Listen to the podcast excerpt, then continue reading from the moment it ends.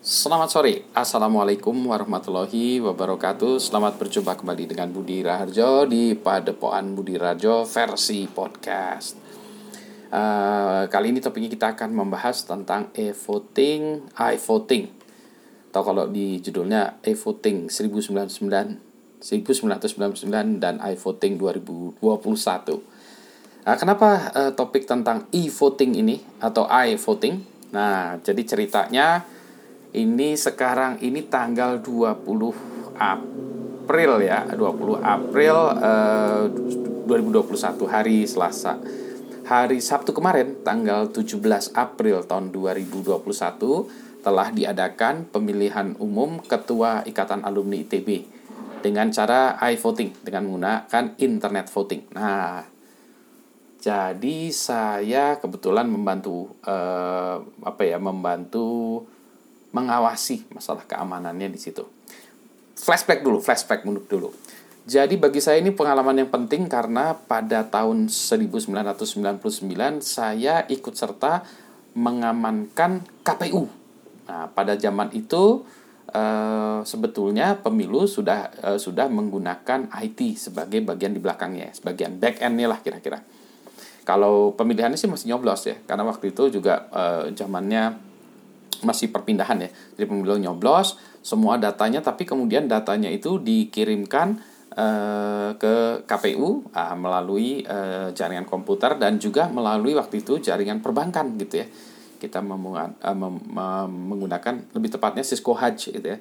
Jaringan untuk haji gitu ya, yang ada di perbankan-perbankan digunakan untuk mengirimkan data ke kantor pusat Nah, di KPU eh, pusat kemudian data tersebut dimasukkan dalam database, dihitung hasilnya ditabulasi dan hasilnya ditampilkan di internet. Jadi secara tidak langsung waktu itu kita sudah ya kita sebut e-voting lah ya, e-voting tahun 1999. Jadi itu 22 tahun yang lalu ya. Nah, pada zaman itu menarik sekali ya. Jadi saya e, menjadi satu bagian dari tim yang di, uh, dipekerjakan untuk mengamankan uh, sistem IT-nya.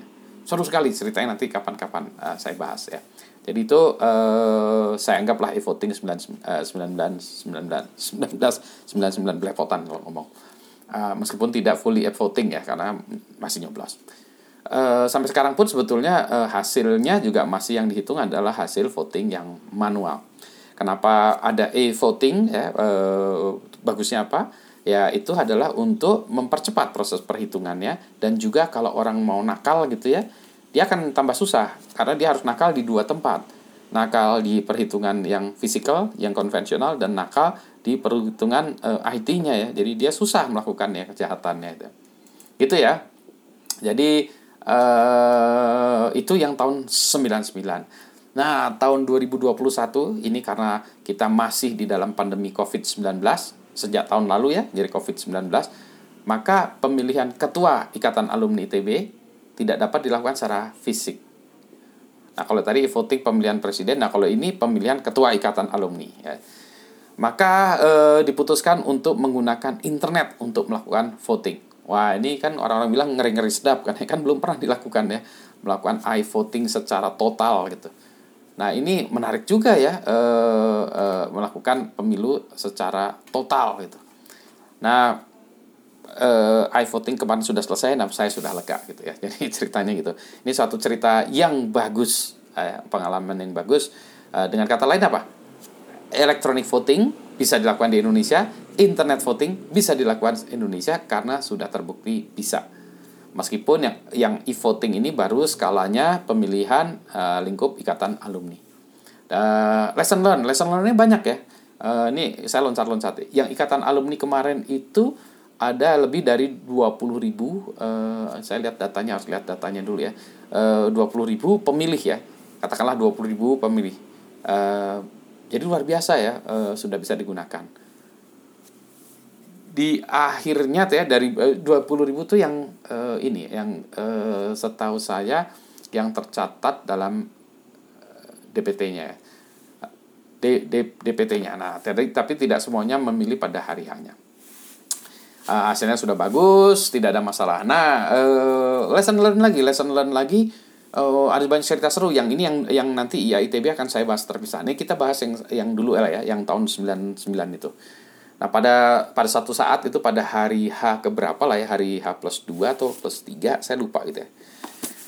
Uh, web server kami punya masalah keamanan, ada security hole. Wah, pusing juga ya. Pada waktu itu uh, kami menggunakan uh, produk Microsoft yaitu IIS, Internet Information Services ya atau server ya uh, pada waktu itu karena uh, uh, pengembangnya waktu itu kalau tidak salah Indosatcom itu sangat familiar sangat uh, ini apa uh, mahir dalam mengembangkan aplikasi yang berbasis web dengan servernya IIS itu. Pasanglah gitu sudah jalan. Pas hari kedua atau hari ketiga tadi ya, ternyata ada security hole. Aduh pusing juga. Telepon vendornya. Uh, terus katakan lagi nih uh, kita telepon ya terus jawabannya adalah the patch will be available in two weeks. Ya ampun dua minggu.